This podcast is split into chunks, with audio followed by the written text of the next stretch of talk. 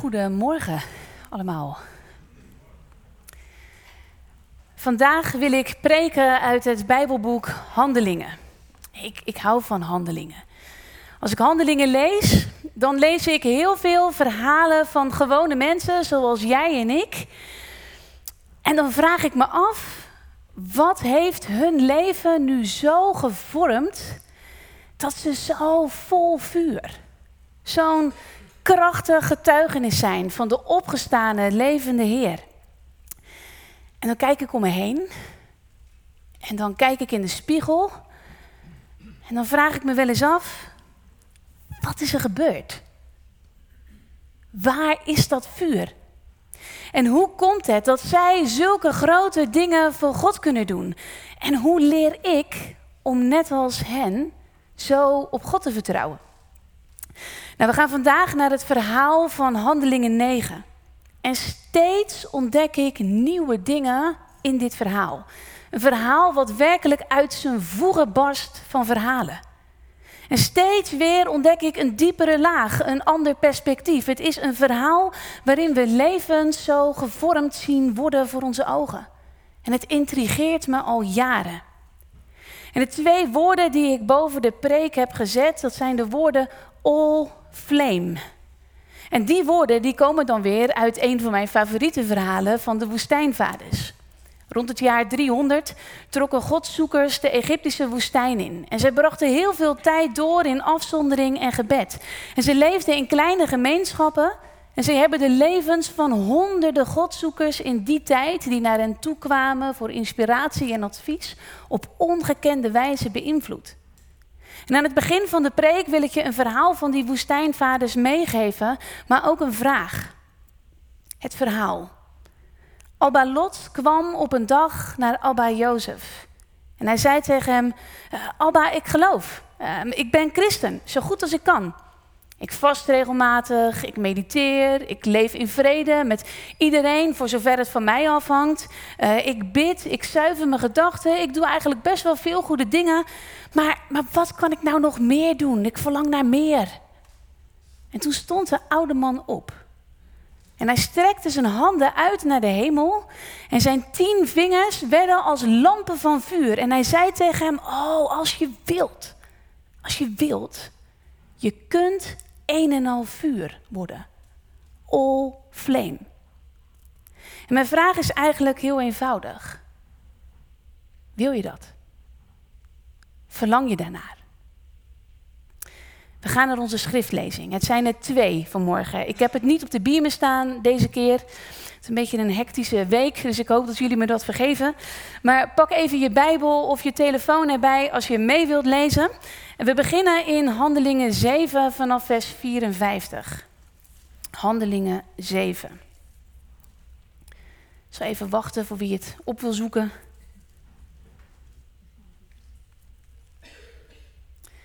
En daarna gaan we dan naar Handelingen 9. Maar we beginnen in Handelingen 7, vers 54. Toen ze dit hoorden, werden ze razend op hem. Ze knassen tanden van woede, maar vervuld van de Heilige Geest. Sloeg Stefanus zijn blik op naar de hemel en zag de luister van God en Jezus, die aan Gods rechterhand stond. En hij zei: Ik zie een hemel geopend en de mensenzoon die aan Gods rechterhand staat. Maar ze schreeuwden en tierden, hielden hun handen voor hun oren en ze stormden met z'n allen op hem af. Ze dreven hem de stad uit om hem te stenigen. De getuigen gaven hun mantel in bewaring bij een jonge man die Saulus heette. Terwijl Stefanus gestenigd werd, riep hij uit: Heer Jezus, ontvang mijn geest.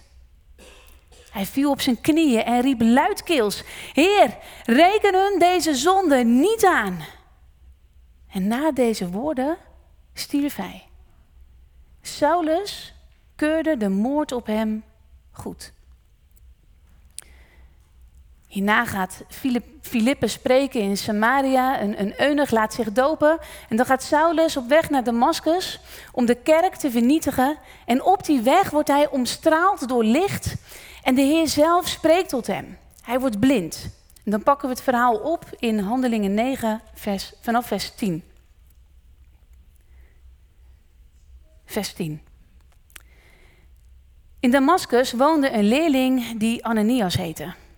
In een visioen zei de Heer tegen hem: Ananias. En hij antwoordde: Ik luister, Heer. En daarop zei de Heer: Ga naar de rechte straat en vraag daar in het huis van Judas naar iemand uit Tarsus die Saulus heet. Hij is aan het bidden en hij heeft in een visioen gezien hoe een man die Ananias heet binnenkomt en hem de handen oplegt om hem weer te laten zien. Ananias antwoordde: Heer, van veel kanten heb ik gehoord over deze man en over al het kwaad dat hij uw heilige in Jeruzalem heeft aangedaan. Bovendien heeft hij toestemming van de hoge priesters om hier iedereen die uw naam aanroept in de boeien te slaan. Maar de Heer zei: Ga, want hij is het instrument dat ik gekozen heb om mijn naam uit te dragen onder de volken en hun heersers en onder de Israëlieten. Ik zal hem tonen hoezeer hij moet lijden omwille van mijn naam. Ananias vertrok en ging naar het huis waar hij Saulus de handen oplegde, terwijl hij zei: Saul, broeder, ik ben gezonden door de Heer, door Jezus die aan u verschenen is op de weg hierheen, om ervoor te zorgen dat u weer kunt zien en vervuld wordt van de Heilige Geest. Meteen was het alsof er schellen van Saulus ogen vielen.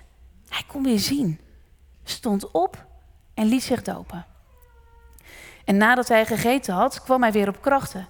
Hij bleef enkele dagen bij de leerlingen in Damascus en ging onmiddellijk in de synagoge verkondigen dat Jezus de Zoon van God is.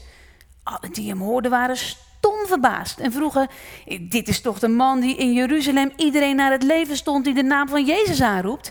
En, en hij is toch hierheen gekomen om hen gevangen te nemen en uit te leveren aan de hoge priesters?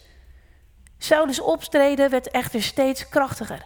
En hij bracht in Damascus wonende Joden in verwarring door aan te tonen dat Jezus de Messias is. Al spoedig beraamden de Joden een plan om hem te vermoorden.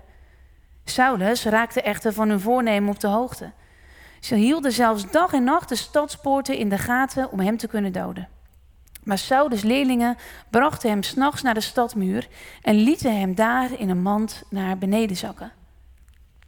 Dit is het woord van God voor ons vandaag. Zullen we even kort samen met elkaar bidden? Vader, dank u wel voor uw woord. En Heer, we hebben het net gezongen voor dit woord. Toon ons uw glorie. En Heer, we bidden dat u uzelf aan ons wilt openbaren door uw woord, door de verkondiging van uw woord. Heer, dat we niet onze oren dichtstoppen, maar ons hart openen. En Heer, vandaag komen er heel veel verhalen op ons af, omdat dit een verhaal is wat uit zijn voegen past van verhalen. Maar ik bid, Heer, dat die verhalen ons verhaal aanspreken. Ons raken. En dat we ons openstellen, Heer, zodat U met ons leven uw verhaal kunt vertellen en ons opneemt. Toon ons uw glorie, Heer. In Jezus' naam. Amen.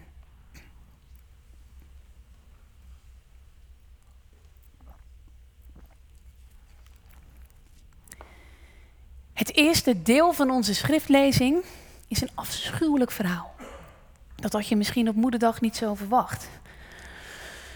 Maar dit verhaal is op zoveel manieren verweven met onze tweede schriftlezing. Want de tweede helft van onze schriftlezing vertelt eigenlijk hetzelfde verhaal, maar dan vanuit een ander perspectief. Het vertelt het verhaal weer verder.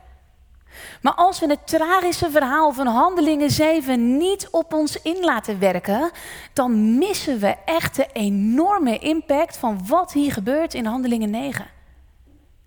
Als ik het naar het nu zou halen, en dat is niet fijn, waarschuw vast, Beeld je in dat een leider van een Russisch leger die de stad waar je woont al maanden onder vuur neemt, een kerk in de Oekraïne inloopt en zegt: Ik ben veranderd. Nu hoor ik bij Jezus. Accepteer mij. Vergeef mij. ik weet het niet hoor. Heftig. Als je dat denkt, dan kom je een beetje in de buurt bij de impact van het verhaal van Handelingen 9. En daarom wil ik je vandaag vragen om eerst in het verhaal van Stefanus te kruipen. In zijn hart brandt de liefde van God. Hij is echt all flame. Vervuld van de geest. Hij heeft net een indrukwekkende, massive toespraak gehouden. Maar het valt niet in goede aarde. De toehoorders zijn ziedend van woede. Met vuur spuwende ogen en knassende tanden drijven ze hem de stad uit. Naar de buiten, eruit jij plaats. Verplaats je eens in de menigte. Hoor het geschreeuw. Voel de versnelling. Het gedreun van honderden voetstappen. De dreiging van een woedende massa die verhaal komt halen. Hoor je de geluiden van stenen die opgeraapt worden en op hem gegooid worden?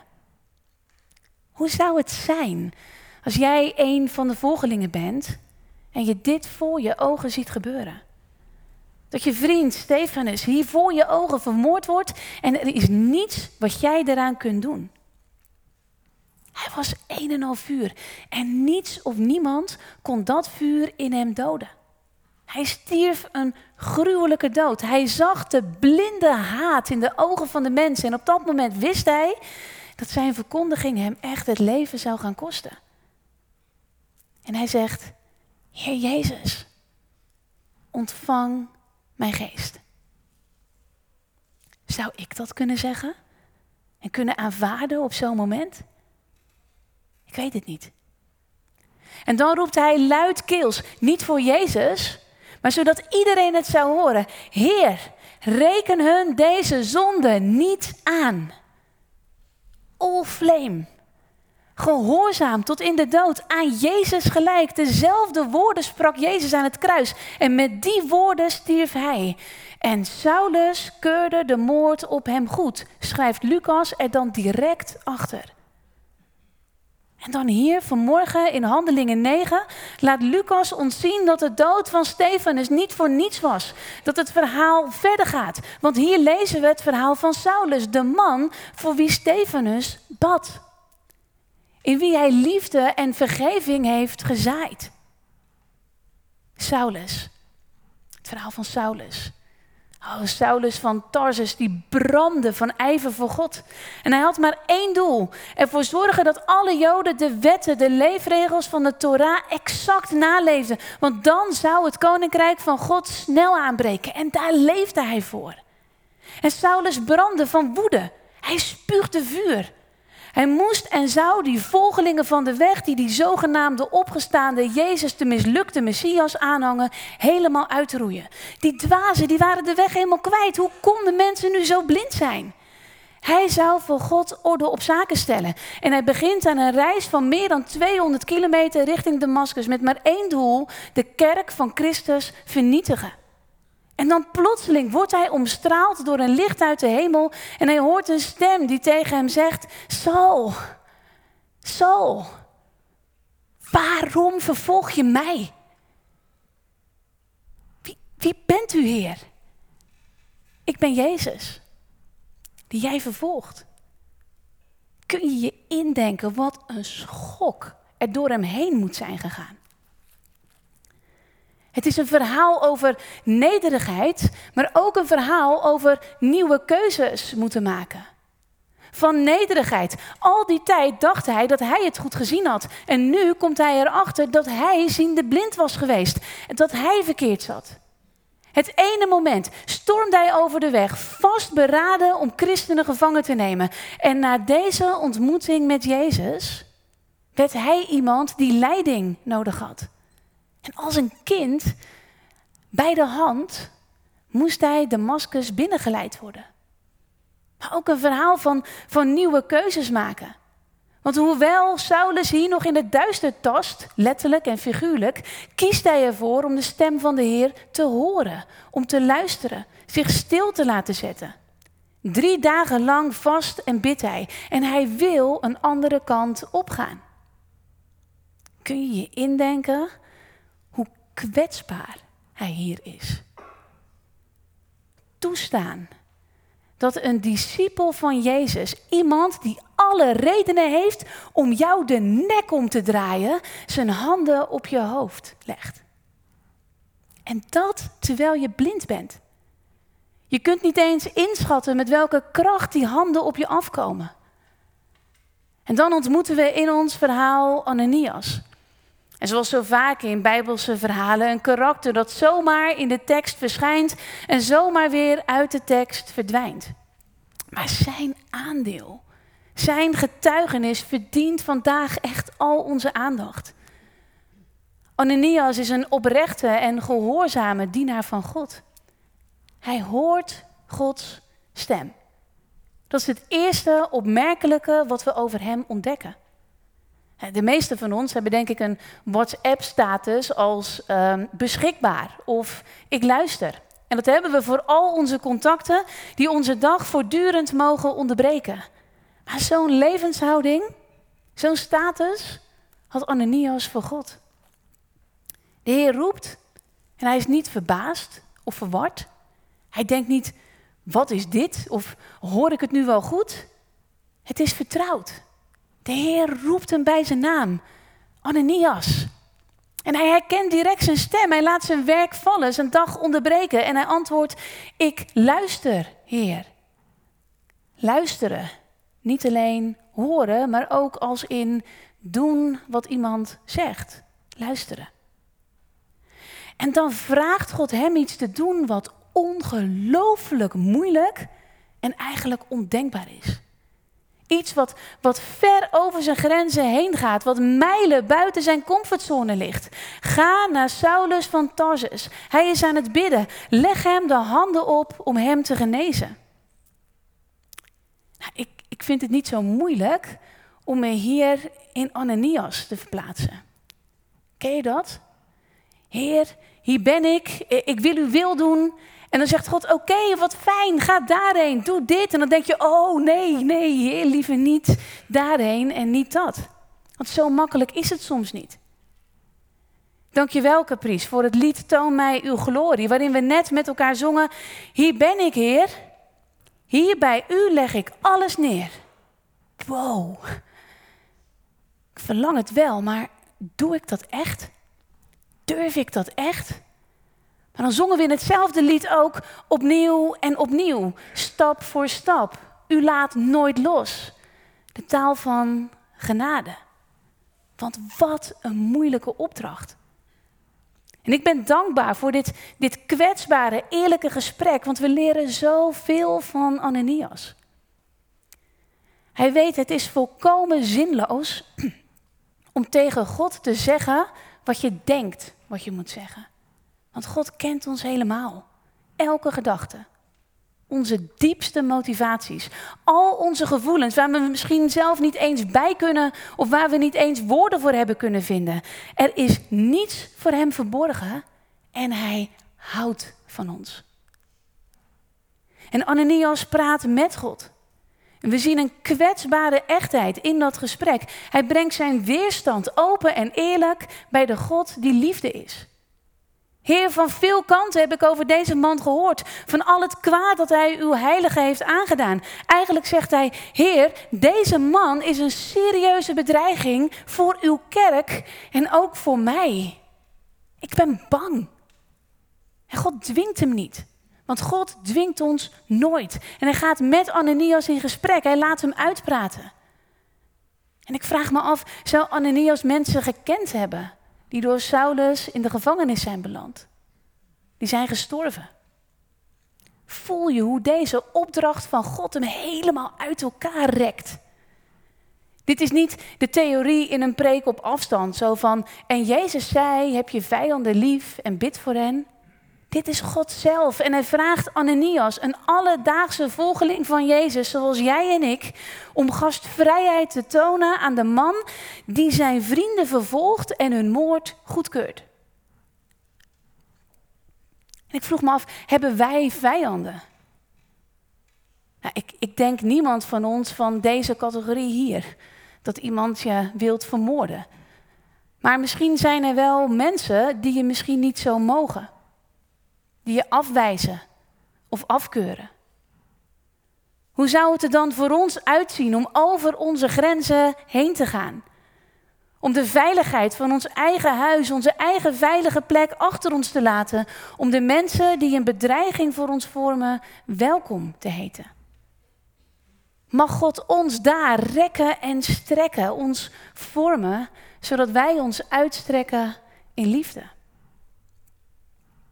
God zegt, Ananias, ik weet dat jij denkt dat je niet kunt gaan.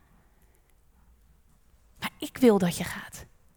Want ik heb Saulus uitgekozen als een instrument om mijn naam te dragen onder de volken. De vraag hier is eigenlijk ten diepste, Ananias, vertrouw je mij? Luister je naar mij? Ook hier, dit verhaal. Een verhaal van, van nederigheid en van een keuze maken. Je eigen gelijk, je goed recht, je eigen waardigheid, je gezond verstand soms loslaten, je weerstand opgeven. Vertrouwen dat God goed is, dat Hij liefde is, dat Hij weet wat Hij doet, dat Zijn verhaal, dat Zijn missie doorgaat. Dat ging het dwars door de dood van Stefanus en dat gaat het dwars door deze opdracht om Saulus, die de kerk wil vernietigen, welkom te heten en te zegenen. Hij gaat. Hij trekt de deur achter zich dicht, verlaat zijn veilige plek en hij gaat op weg. Kun je je indenken hoe kwetsbaar Ananias hier is? Onderweg naar de man die gekomen is om hem en de mensen van wie hij houdt gevangen te nemen. Wat een moedige, dappere volgeling van Jezus, die radicale gastvrijheid aanbiedt. En hij kent het gevaar. En hij weet ook het verhaal van Stefanus. Het loopt niet altijd goed af. Misschien kost het net als Stefanus wel zijn leven, maar hij kiest ervoor om te vertrouwen in de God die niet meer van hem kan houden dan wat hij nu op dit moment doet. En de woorden die me in dit hoofdstuk misschien wel het meest ontroeren, keer op keer als ik dit hoofdstuk lees, dat zijn de eerste woorden die hij uitspreekt.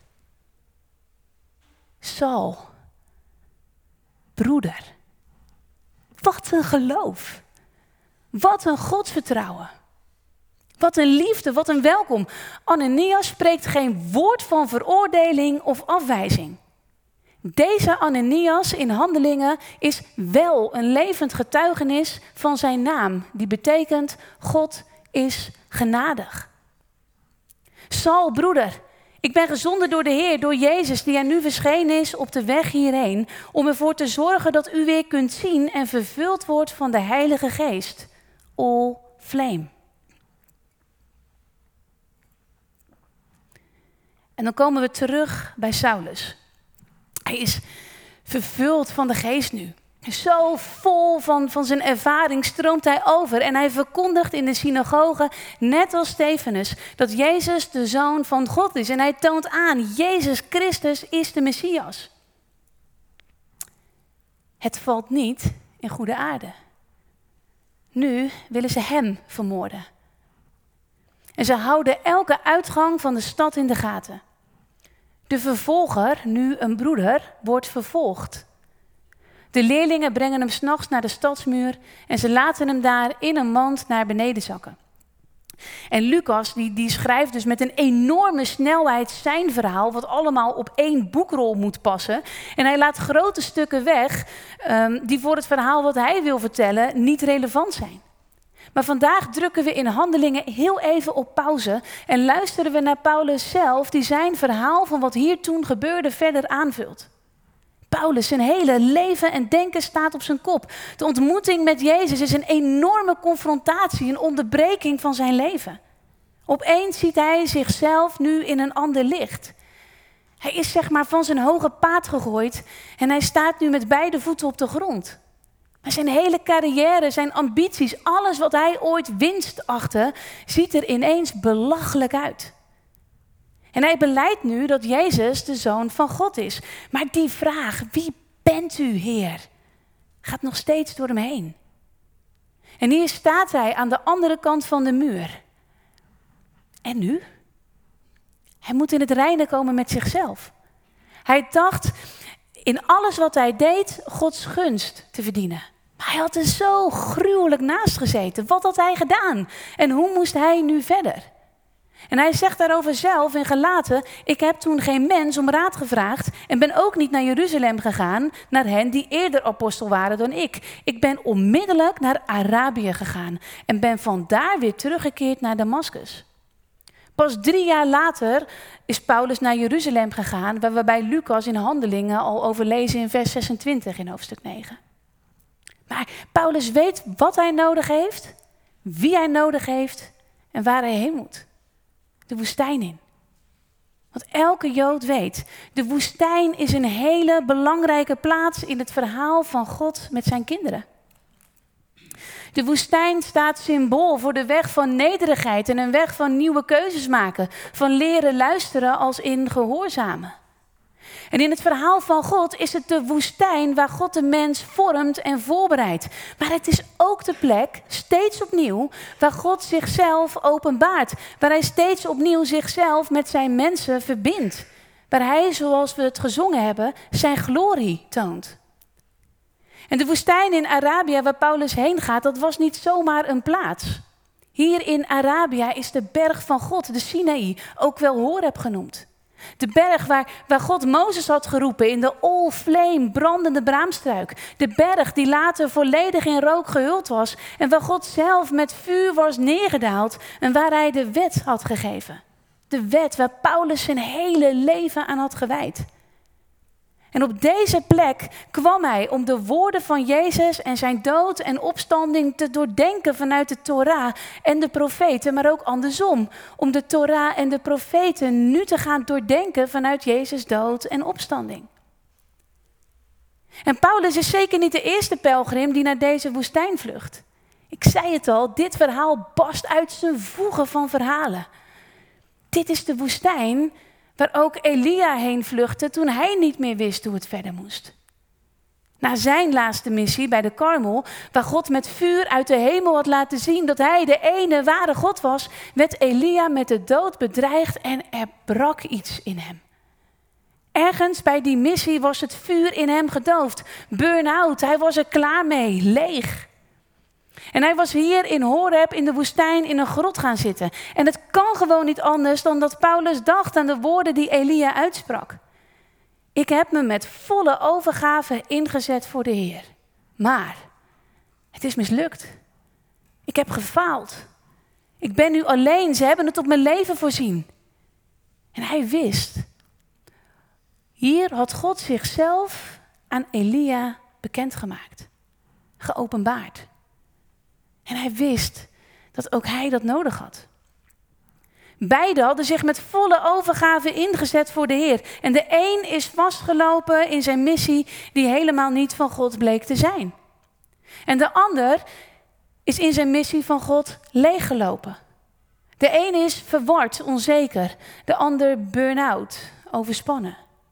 Maar beide zijn gebroken, beide op de vlucht, beide hadden een nieuwe roeping, een nieuwe bevestiging, een openbaring van Jezus zelf nodig. Herken jij jezelf vanmorgen misschien in een van hen? Kun jij net als Saul vol ijver van de Heer overtuigd zijn van je gelijk? Helemaal opgaan in je I do it my way kerkprojecten voor de Heer. Met een hier, het staat er toch, of dit is toch wat God wil. Maar eigenlijk, als je echt eerlijk bent, ben je volkomen onwetend over wie die God van liefde nu werkelijk is. En zeg je wel, Heer, ik volg u, maar bedoel je eigenlijk, Heer, volg mij en mijn dromen en mijn plannen? En verstop je jezelf misschien achter letters, teksten of projecten? Of herken je jezelf misschien meer in Elia? Heb je het vuur uit je sloffen gelopen? Heb je meer gegeven dan je had? Ben je teleurgesteld in het resultaat? Had je meer verwacht? Ging je ooit vol vuur voor de missie, maar ben je nu uitgeblust? Weet je het niet meer? Ben je bang geworden van alle weerstand? Ontmoedigd? Wil je wegduiken in een grot of in onze woorden de dekens over je hoofd trekken en gewoon even onzichtbaar zijn? Heb je nieuwe kracht, nieuwe moed en richting van de Heer, de Heer zelf, nodig? De woestijn is de plek waar God ons dan heen wil leiden. Weg uit de jungle van deze wereld, waar we geloven in de illusie dat we controle hebben over ons leven. Waar we geleerd hebben hoe we onze angsten en onzekerheden met afleiding kunnen negeren en het allemaal achter maskers kunnen verbergen en weglachen. Waar we denken dat het hoogste goed is, dat gebeurt in ons leven wat wij willen. Maar God verlangt naar echtheid. De enige reden waarom Ananias die gastvrijheid aan Saulus kon bieden, is omdat hij geleerd had dagelijks ja tegen God te zeggen. Gastvrij voor God te zijn. Om God all access te geven, hem overal bij te laten. Want God heeft ons met gevoelens en emoties geschapen en Hij wil dat wij onze pijn, onze angsten en onzekerheden met Hem delen.